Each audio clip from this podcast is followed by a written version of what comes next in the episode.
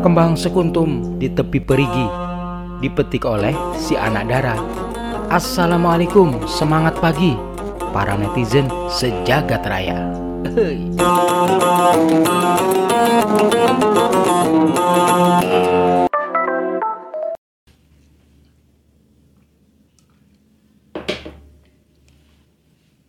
Netizen, jumpa lagi bersama kami. Tema kita malam ini adalah tentang budaya, terutama sastra lisan Melayu. Ada senandung menidurkan anak, ada syair, ada gurindam, dan pantun. Kita akan kupas satu persatu bersama tamu kita kali ini. Beliau seorang kepala sekolah, sekaligus artis juga sering be menyanyi beberapa lagu genre Melayu. Ini dia, Winda Harniati. Assalamualaikum Bu. Waalaikumsalam warahmatullahi wabarakatuh. Sehat? Alhamdulillah sehat selalu. Alhamdulillah. Beberapa kali saya selalu mengikuti liputan-liputan tentang ketika liputan budaya, liputan apa itu Bu Winda ada terus di situ. Ya bahkan sering juga membuat event-event kan, lomba-lomba tentang sastra Melayu ya, tentang budaya Melayu. Kearifan lokal terutama yang ada di Siak. Ibu eh, apa sih yang mendorong Ibu bisa apa kok ingin kuat sekali gitu loh. Keinginan terhadap budaya, terhadap seni. Apa Bu yang mendorong? Iya. Tertarik. Karena mungkin satu hobi. Dari kecil saya memang hobi dengan menyanyi. Oke. Ya, awalnya memang lagu dangdut Iya. ya. Oh, ya, Kemudian dangdut suka juga suka lagu-lagu Melayu sampai sekarang gitu ya. Hmm. Nah, kemudian kenapa saya suka yang budaya-budaya Melayu tadi? Ya. Karena memang sudah menjadi darah daging gitu ya. Saya baca-baca kan di beberapa sumber itu katanya senandung menidurkan anak itu sudah hampir punah di Riau. Uh, artinya sudah jarang di, digunakan lagi oleh orang-orang. Uh, sebetulnya seperti apa ya Bu ya? Betul tidak sih? Ya, sebenarnya senandung menidurkan anak Ya. yang ada di Provinsi Riau itu eh, kalau kita lihat dari sejarahnya itu kan sudah memang ada dari se- sejak Hmm, zaman nenek moyang sekali ya, kita dulu. sekali ya, ya, nah, ya. cuman namanya berbeda-beda. Oh. Nah, kalau di Siak itu namanya adalah senandung menidurkan anak. Ya. Kalau di Bengkalis namanya mendodoikan anak. Mendodoi. Kemudian kalau di Indragiri Hulu itu namanya nandung. Nandung. Nandung. Ah, Dan kalau di eh, Kuansing ataupun di Kuantan Sengingi itu namanya adalah eh, Badendang. Kemudian kalau di Kampar Begondu. Kemudian kalau di Rokan Hulu namanya Ondu. Ondu. Nah, Jadi beda-beda nama ya? Ya, nama, saja beda. berbeda, namun istilahnya eh, tetap sama artinya. Prakteknya sama. Prakteknya Ya. sama sesuai dengan di masing-masing daerah cara pembawaannya. Hanya mungkin nada yang membedakan ya? Ya, nada disesuaikan dengan karakter di mas- dari masing-masing daerah. Ya, Eh, kita spesifik ke Siak aja karena kita tinggal di Siak. Eh, kita akan ulik ya, kita akan gali eh, tentang senandung mendidik anak di Siak. Bu Winda ini kan sudah lama. Saya beberapa, saya sa- sering melihat Bu Winda tampil di beberapa acara pelatihan-pelatihan gitu, bahkan bahkan sebagai pelatih ya dalam menan- sena- menyampaikan senandung menidurkan anak. Ibu belajar senandung menidurkan anak itu sejak usia kapan? Sejak usia berapa? Ya, sebenarnya saya belajar senandung menidurkan anak itu otodidak saja Otodidak, karena di lingkungan masyarakat tempat saya tinggal itu saya itu suka bertanya dengan orang tua-tua saya dulu. Aha. Kalau berjalan di rumah saudara, Ya, ya, ya, ada di perkampungan memang orang tua-tuanya suka menidurkan Hmm. anak, saya suka mendengarkan. Kemudian karena saya hobi dengan yang tradisional itu, Ya. saya dengarkan, kemudian saya praktekkan, kemudian saya eh, saya ini kan lagi catat-catat Ah. dan sering ditanya dengan orang tua-tua, kemudian juga membaca buku. Nah, sehingga Hmm. Tergalilah eh, senandung menidurkan anak itu di Sia ini ada beberapa irama yang bisa kita temui di kehidupan masyarakat khususnya di kampung-kampung ataupun di desa-desa yang ada di eh, Siak itu sendiri. Seperti yang eh, sudah eh, kami lakukan itu waktu saya masih di SMA nah ada yang iramanya seperti irama senandung menidurkan anak di Persisia di Sungai Mempura misalnya ya kan. Oh, ada banyak versi di situ. Ada ya. Ah. Ada lagi versi yang dari Tualang. Kebetulan teman saya Bu Erni juga dia melantunkannya dengan versi Tualang. Di Sungai Apit juga ada. Namun yang baru ter eh, terinventarisasi Ya, eh, saat itu hanya tiga saat itu. tiga model ya. Tiga model irama Tiga yang irama, sebenarnya banyak. Nah ini yang perlu digali eh, terus agar ini tidak punah begitu. Dan Pemda sendiri sudah menginisiasi bagaimana caranya supaya itu tidak punah dengan lomba-lomba ya, dengan ada festival. Oh ya, gitu ya. nah jadi upaya yang dilakukan oleh pemerintah daerah itu saya masih ingat pada tahun 2006 itu dimulai dengan adanya kegiatan Festival Siak Bermada Ah, sampai Siak dengan Bermada, tahun 2015 ke atas itu sering dilombakan baik itu berupa zapin tradisional, kemudian lagu Melayu, kemudian syair berpasangan, kemudian eh, berpantun dan termasuk juga senandung, Senandung. menidurkan anak. Saya saya sering lihat menyaksikan kalau pas ada siap bermadah gitu. Jadi netizen siap bermadah itu adalah kegiatan tahunan, acara tahunan di Pemda Siak dalam rangka ulang tahun hari jadi ya. Iya, dan itu merupakan kebanggaan loh Iya. gitu ya. Yang termasuk sekarang eh, menjadi favorit gitu. Nah, Iya, jangan lupa di, di ini ya, di like ya. Di like itu. Iya benar. Eh, eh, ini tim saya kayaknya udah nyiapin apa itu properti tadi. Dia pengen Bu Winda ini. Oh langsung praktek ya? Oh praktek. boleh boleh. Iya. Satu satu ini Ya, kalaupun bayinya belum ada kita praktek ada boneka mungkin bisa dibantu ya. Oke. Ah, oh ini ya, boleh boleh boleh. Nah, ini sebentar ini aja. Halo. Hey. Baik. Nah, kayak gini, Bu. Ah, nah, ini biasanya misalkan kalau orang-orang tua kita dulu melantunkan senandung menirukan Hmm. anak itu eh, ya kalau propertinya jelas ini boneka ya. Iya. Kemudian ada eh, buai ah, buai. atau ayunan yang pakai apa? tali Oh, ya iya, kain, iya, kemudian iya. ada juga rotan. Nah, Iya, iya. kemudian anak itu ya kita gendong dulu dengan kita tepuk-tepuk pantatnya gitu ya. Ya. Atau bokongnya sehingga ini ada kedekatan unsur antara ibu dengan anak. Anak-anak. Nah, sehingga Ada nyetrum Bu ya. Iya, kontak sangat kontak. kontak batin antara si ibu dengan si si anak tadi. Nah, ini saya contohkan apabila seorang ibu melantunkan senandung menirukan anak eh, tempo dulu gitu ya. Dulu. Ini versi mana nih, Bu? Versi Ah, saya bawakan versi siak. versi siap dulu. Iya, Oke. iya, iya. Kita simak dulu. senandung menidurkan anak dari Bu Winda. Sallallahu Sallallahu alaihi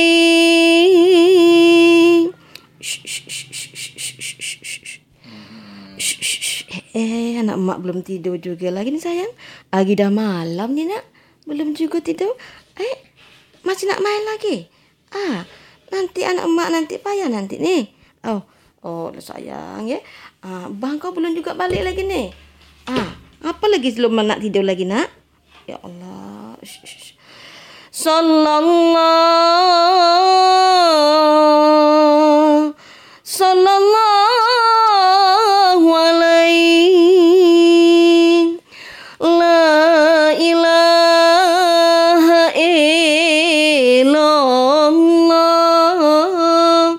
Nabi Muhammad pesuruh Allah. La ilaha illallah. Nabi Muhammad kekasih Allah. Tidurlah tidur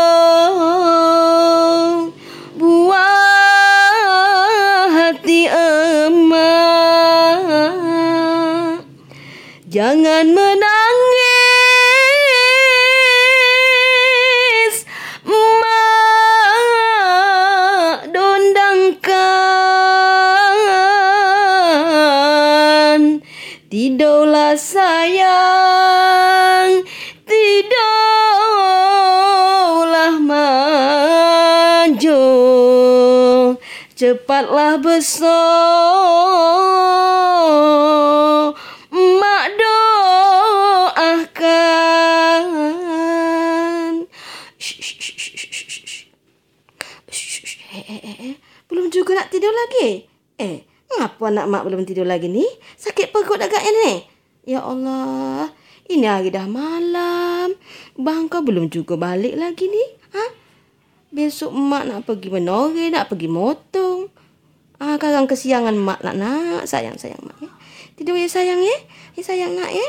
Ah, mak dah penat nyanyikan anak mak dah. Belum juga tidur lagi. Ha? Ha? Shh, shh, shh. La ilaha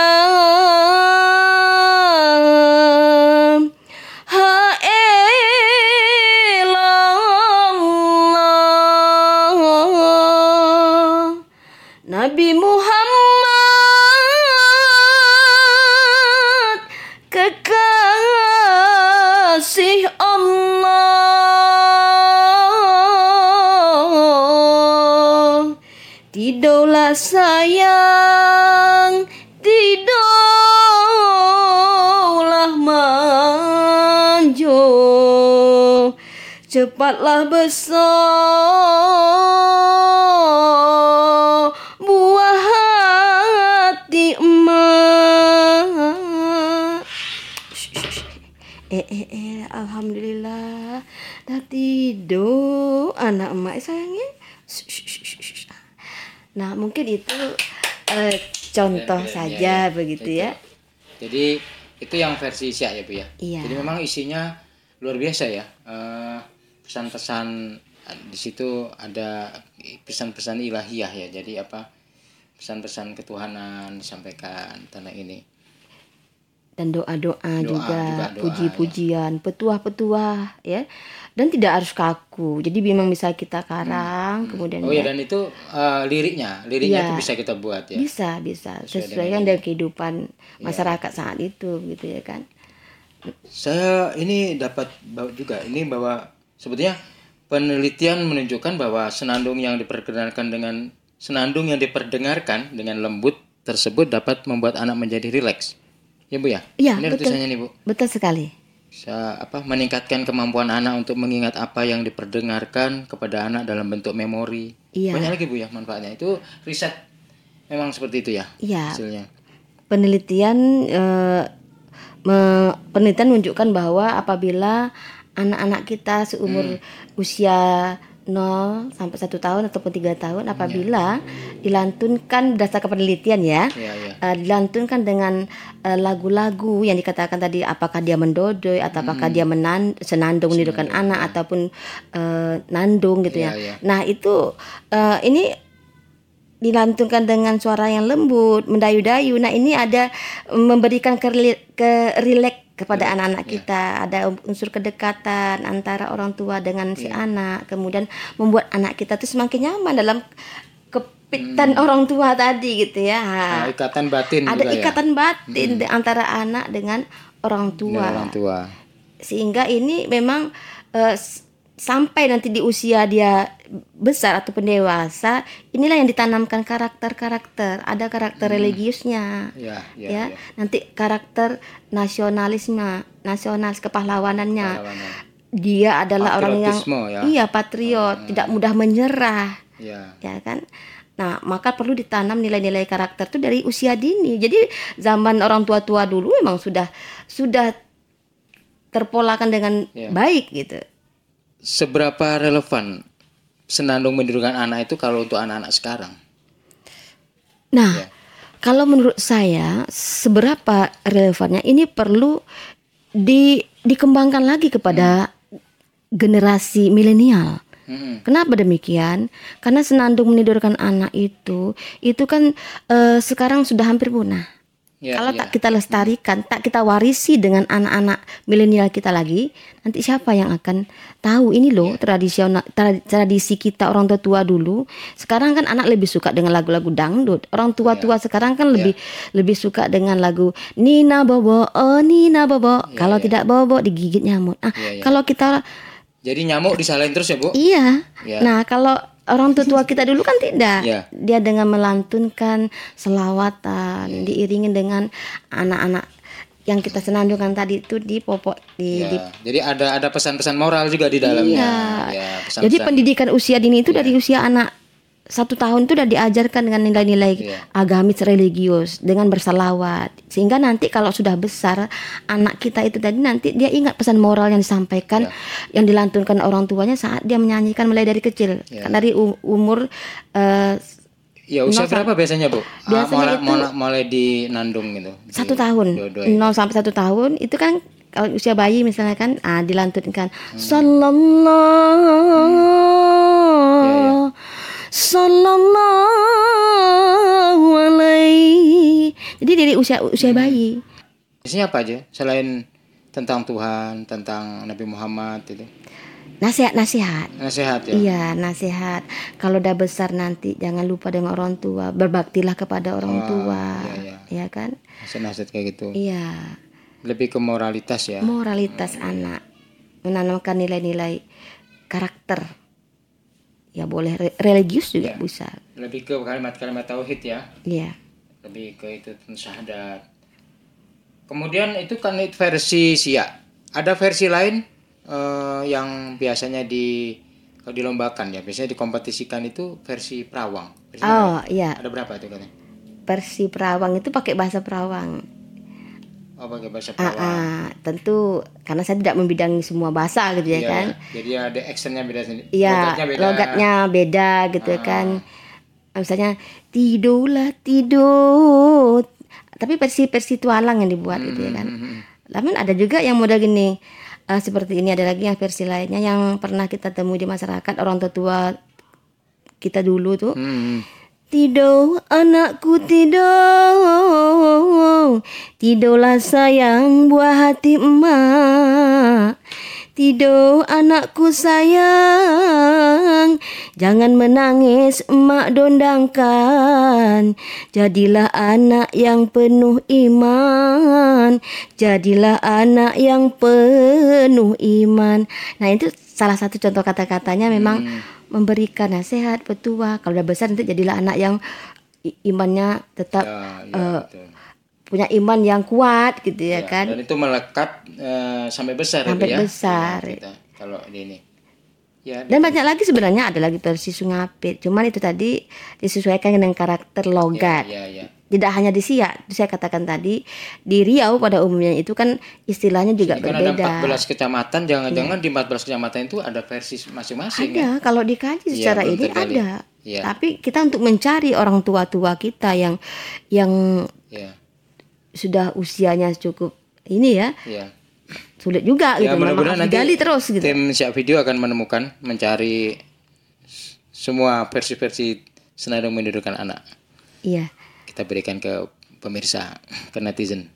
Mungkin di di desa-desa di- masih ada lah bu ya. kalau di desa-desa masih Mm, ini, masih. masih masih tetap di apa Iya. terlestarikan dengan baik gitu ya khawatirnya nanti yang generasinya ya nah yang- yang generasi milenial sekarang yang kita ragu begitu ya terkadang yang mana sih sebenarnya menirukan anak nah ini yang perlu menjadi perhatian juga baik itu pemerintah daerah gitu ya kan Iya. Eh, harus dikuatkan lagi melalui juga penelitian dibuatkan CD-nya kemudian Ah, iya. juga dibuat kajian-kajian nah juga eh, senandung menidurkan anak ini juga pernah diusulkan sebagai eh, warisan budaya tak benda pada tahun 2018 yang berasal dari Kabupaten Siak dan itu memang perlu ada penelitian-penelitian sehingga bisa diakui sebagai eh, WBTB warisan budaya tak benda.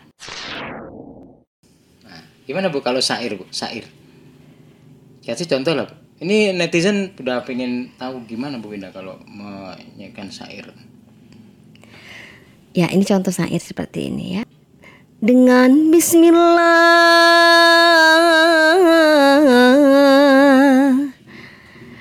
Kami ucapkan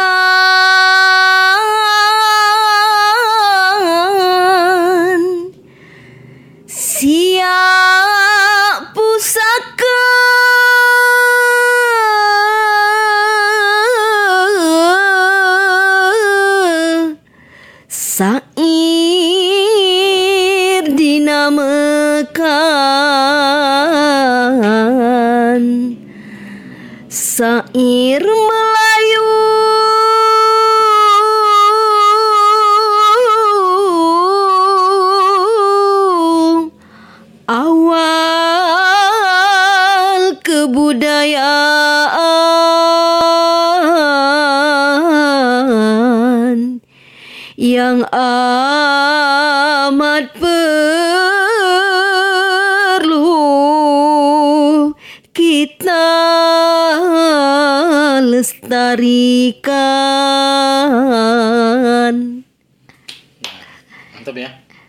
Selena Dima itu salah satu irama yang ada di syair. Ada berapa yang biasa di dikenal orang? Oke, biasa?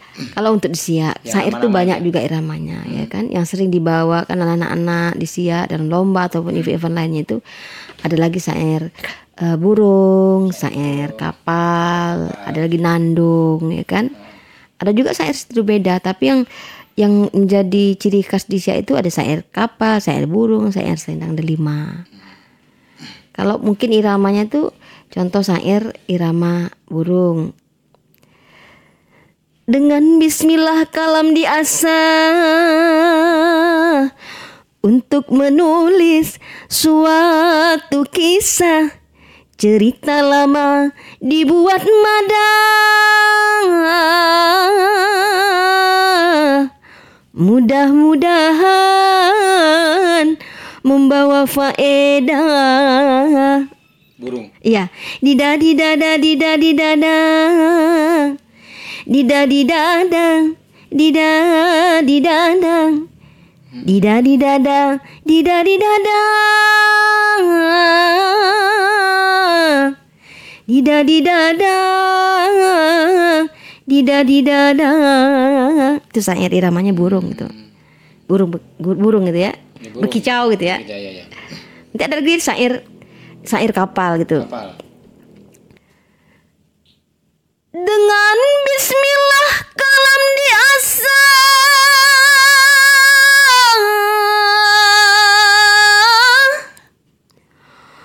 untuk menulis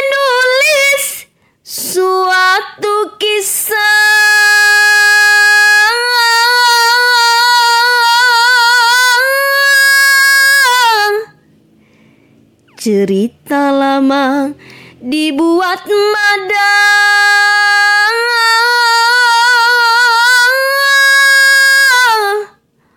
mudah-mudahan membawa faedah. Dida dida da dida dida da.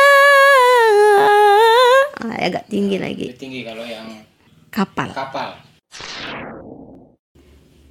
Ya Ya, Gurindam 12 kita tahu karangan Raja Ali Haji yang terdiri dari 12 pasal yang di dalamnya itu mengandung petuah-petuah nasihat-nasihat kepada eh, masyarakat ya. Umumnya nah ini luar biasa. Nah di dalam Gurindam 12 itu yang terdiri dari 12 pasal nah itu juga dibawakan dengan berbagai macam irama ya. Nanti ya seperti saya bawakan dari Gurindam 12 pasal ke 5 contohnya. Jika hendak mengenal orang berbangsa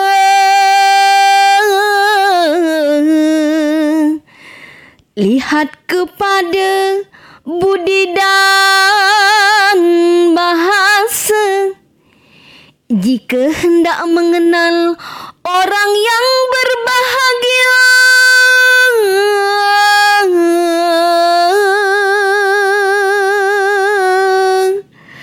sangat memeliharakan yang sia-sia.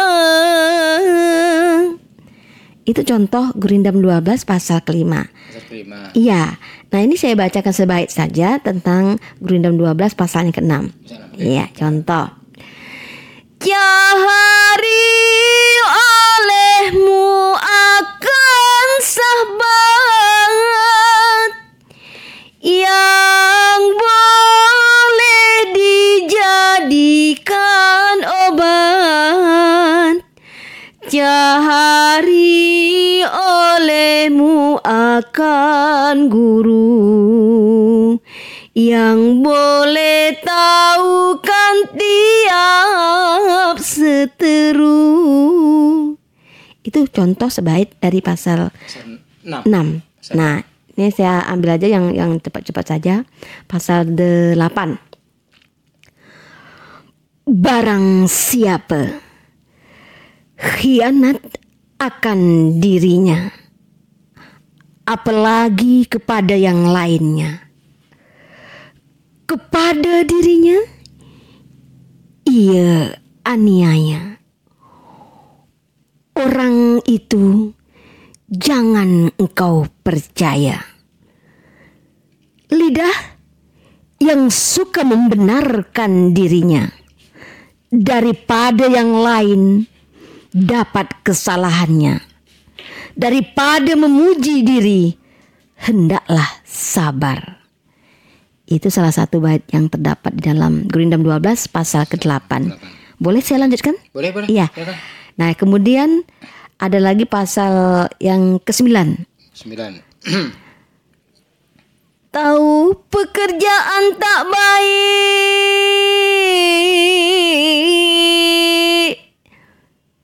Tapi dikerjakan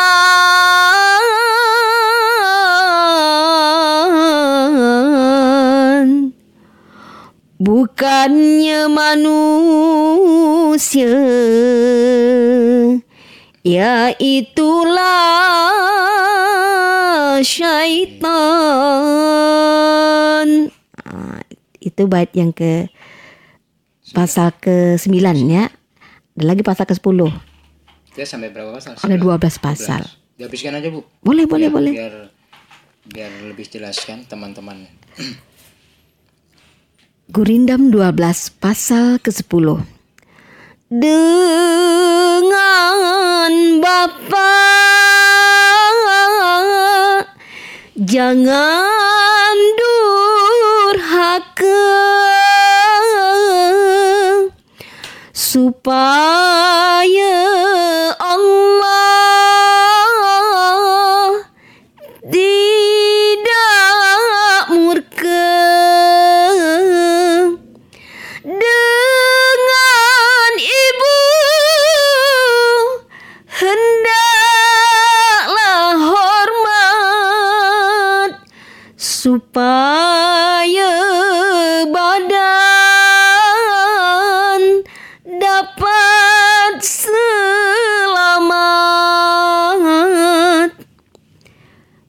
Berikutnya Gurindam 12 pasal ke-11 Hendaklah berjasa kepada yang sebangsa. Hendak jadi kepala Buanglah perangai yang cela Hendak memegang amanat Buanglah khianat hendak marah, dahulukan hajat. Hendak dimulai, jangan melalui. Hendak ramai, murahkan perangai. Berikutnya pasal ke-12. Raja mufakat dengan menteri seperti kebun berpagar duri. Betul hati kepada raja. Tanda jadi sembarang kerja sembarang kerja. Hukum atas rakyat. Tanda raja beroleh hinayat Kasihkan orang yang berilmu. Tanda rahmat atas dirimu. Atas dirimu. Nah, itu salah satu irama-irama gurindam Dam- 12. Dalam sekali ya maknanya. Oh, luar biasa. dengan pesan-pesan. Pesan-pesan moral, pesan nasihat, Nasihat ya, betul. petuah-petuah. Itu baru hanya cuplikan ya. Cuplikan saja. Apalagi kalau Kalau saya bacakan itu dari pasal 1, 2, 3, 4 sampai 12 itu Ya. mungkin mau setengah jam Setengah untuk jam ya untuk karena dia masih selesai. panjang lagi bait-bait yang ada dalam Dan tiap-tiap pasal iramanya berbeda. iramanya berbeda. Ah, itu luar biasa. Iya. Ibu kan pernah beberapa kali kan eh, diminta ngisi di luar negeri lah. Jiran tetangga. Kan di jiran ya di jiran. Bisa cerita bu? Yang mereka butuhkan apa sih? Ya, nah jadi kebetulan juga eh, saya pernah diundang tahun 2015 ya, untuk Ah. menjadi narasumber di beberapa sekolah di eh, Perak Malaysia, kemudian juga di eh, Pulau Pinang gitu ya. Ya. Nah, karena kita juga menjalin komunikasi antara pihak sekolah SMP 1 Mempura kebetulan saya kepala sekolah SMP 1 Mempura menjalin Ya. eh, hubungan eh, kerjasama antara pihak sekolah Dengan ini. dengan pemerintah daerah eh, Larut Matang Selama. Nah, di situ juga kami diundang untuk memberikan materi tentang yang kearifan lokal tradisional, Ya, tradisi, ya. tradisi tradisi di lisan gitu. Tradisi Salah lisan, satunya ah. kemarin itu adalah sae, senandung menirukan anak, kemudian juga eh, gurindam, kemudian juga pantun. Nah, kebetulan juga di negeri jiran tempat saya dipercaya kemarin di Perak itu mereka punya buku senandung menirukan anak. Namun para generasi-generasi muda di usia-usia sekolah SMP, SMA mereka tidak lagi pandai melantunkan eh, bagaimana sebenarnya eh, irama dari senandung menirukan anak itu. Tidak tahu. Nah, sehingga eh, mereka undang saya untuk memberikan ilmu semacam pelatihan juga Ya. eh, bersama saat itu saya dengan Profesor Suardi eh, untuk memberikan ilmu di sana. Nah, kemudian juga iya berbagi ilmu. Kemudian juga tahun 2016, 2017 juga kemudian ada juga di eh, Pulau Penang gitu ya. Nah, kemudian mereka juga datang ke Siak untuk belajar dengan kearifan lokal. Kemudian juga eh, beberapa universitas dari Malaysia juga belajar eh, ke sekolah kami.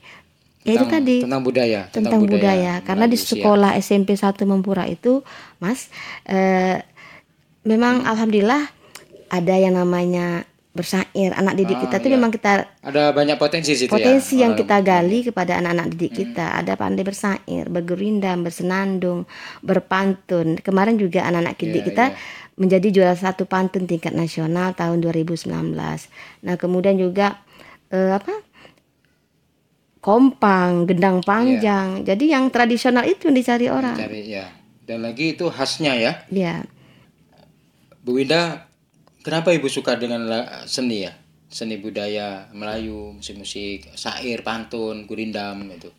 Kenapa Bu? Iya, karena di dalam seni budaya Melayu salah satunya pantun, syair, gurindam, dan senandung menidurkan anak salah satunya yang memang eh, ada di daerah Melayu ini. Saya memang sudah dari kecil Hmm. hobi. Jadi hobi itu dijadikan satu prestasi, digali potensi yang ada. Eh, tuntutan pekerjaan juga ya Bu ya? Ya. Nah, kebetulan juga eh, kita dipercaya juga dari kementerian kemarin untuk membuatkan buku tentang pantun karakter. Dalam itu ada karakter religius, Maksudnya nasionalis. panduan membuat dalam membuat pantun, bukan? Iya. Oh, Ah, ah, terutama kaitannya adalah tentang karakter. ya. Ya, ada karakter eh, religius, nasionalis, mandiri, gotong royong.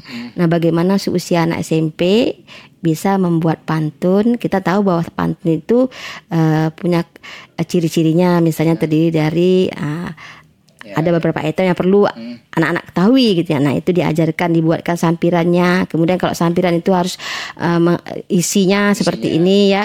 Nanti sampirannya seperti ini harus haruslah ada prola dan pronanya, ada istiadatnya gitu ya. Nanti harus terdiri dari eh, 6 sampai 12 suku kata. Ya, kita tahu kan ciri-ciri pantun gitu ya. Nah, ini yang yang diajarkan kepada anak-anak usia SMP agar dia bisa membuat eh, pantun walaupun pantun itu eh, tidak harus yang yang kae- apa ya kaedahnya sangat sulit tapi yang sangat sederhana yang bisa tapi- dipahami di usia anak SMP gitu ya Pantun ya. kalau pantun yang eh, kaidah pantun itu luar biasa, sangat ini ya, gimana ya? Eh, nilai kaidah itu yang tinggi kalau dalam penilaian dalam lomba-lomba gitu ya. Nah, tapi kalau anak- anak-anak kita usia pantun, dia pandai membuat pantun. Contohnya pantunnya, eh, kami sudah melihat bagaimana anak-anak usia SMP pada umumnya membuat pantun. Mereka lebih jalan-jalan eh, ke eh, Sungai Apit singgah sebentar membeli ini gitu ya. Jadi jalan-jalan Lebih ya? banyak jalan. Tapi di usia SMP itu ya memang mampunya seperti itu gitu ya. Karena oke ya, jadi dia selalu jalan-jalan Tahap dimulai. berpikirnya masih Selalu dimulai Ya. dengan jalan-jalan. jalan-jalan gitu ya kata kerja nanti kan sementara kan idealnya pantun yang bagus itu harus eh, ada ketentuan-ketentuan yang mereka harus pahami gitu. tapi tidak apa-apa kita membiasakan anak untuk eh, berpantun gitu ya Jadi kalau dalam lomba itu biasanya misalkan pantun itu dilombakan di level SD atau SMP kalau pantun untuk pantun. oh kalau di di Siak sendiri itu eh, sering dilombakan pada saat FL2SN kemudian Ya, dalam di di tingkat SMP ya. SMP ke atas. Kalau dia SMP, kalau dia SD itu mungkin berupa hafalan saja. Pernah Hafalan. dibuat terlebih dahulu seperti Oh, dia hafalan ya. Sudah hafalan. artinya sudah disiapkan. sudah disiapkan. Nah, jadi dia menghafal. Hmm. Yang dinilai itu adalah teknik cara dia berpantun dengan bahasa logatnya yang seperti apa yang dinilai. Tapi kalau SMP membuat Kalau di SMP itu sudah bisa membuat pantun sendiri. membuat pantun sendiri, tapi memang agak berat. Tapi yang lebih lebih bisa itu biasanya SMA. Oh, SMA ya. SMA. Lebih SMA itu ya. Nah, ditentukan temanya ya. Kalau udah spontanitas itu kan udah umum ya. Nah, itu yang perlu digali sekarang itu kan agar masyarakat itu pantun itu kan merupakan kebiasaan masyarakat dalam bercerita mereka bisa berpantun gitu. Iya. Gimana sih Bu kok bisa bisa sampai apa? Cekatan gitu mereka berbalas. berbalas. Ada memang ada pelajarannya juga ya. Ada dilatih ya itu ya. Dilatih, Dilatih ya. dilatih karena tidak semua anak orang yang pandai pantun spontanitas. Ah, ya, kalau iya. kalau dahulu di Sia ataupun di di negeri-negeri Melayu itu itu menjadikan ngomong itu pakai pantun. Oh iya. Jadi ngomong sehari-hari gitu pantun. Pantun. Nah, sekarang kan tidak. Mencari yang betul-betul pantun spontanitas itu sangat sulit sekali. Jadi harus dilatih. harus dilatih ya.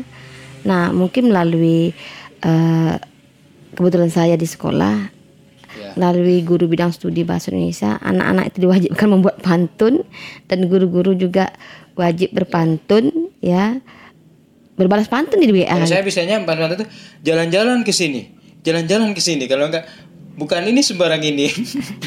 ya itu pantun juga, Pantun juga ya? tapi nilai kaedahnya tuh tidak Oh, dapat di sana ya. Tapi tetap pantun juga itu namanya. ya pantun apa namanya itu ya Pantun-pantunan Bu ya. Pantun pantun apa itu? Tapi kalau pantunnya sesungguhnya enggak seperti itu ya. Tidak, dia Hmm. tidak boleh dengan kata kerja. Dia harus ada Oh. isi sampirannya itu haruslah misalnya eh ka- plo- ada eh, ada kata kata-kata flora ataupun fauna atau ada istiadat gitu ya. Hmm, malah kadang kan. Iya, misalnya kalau flora dan fauna, misalnya atau tumbuh-tumbuhan ataupun hewan, misalnya kalau ikan, misalnya ikan tenggiri, ikan gurami dimasak oleh anak negeri gitu ya. Jadi nanti itu sampirannya Iya, iya. ya tentang eh, hewan Kalau tumbuhan, flora, flora misalnya sungguh cantik bunga kemboja gitu kan Mhm. Oh ya, kita mulai gitu ya. Oke. Kita waktunya sudah di penghujung ini sepertinya. Padahal obrolan kita masih banyak tentang bicara budaya itu tidak akan ada habisnya dan akan terus eh, menarik ya untuk dibicarakan begitu. Ya kita berharap generasi yang sekarang ada keinginan ya Bu ya, ada kecintaan ter- kepada tradisi-tradisi itu. Terima kasih banyak kepada Bu Winda untuk bercerita tentang budaya. Saya punya pantun. Saya bukan karya saya, tapi saya dikasih teman saya. Nanti teman saya akan saya undang siapa yang biasa ngasih saya pantun itu. Bang Taufik memasang luka, luka dipasang satu persatu. Billahi taufik wal hidayah. Assalamualaikum warahmatullahi wabarakatuh.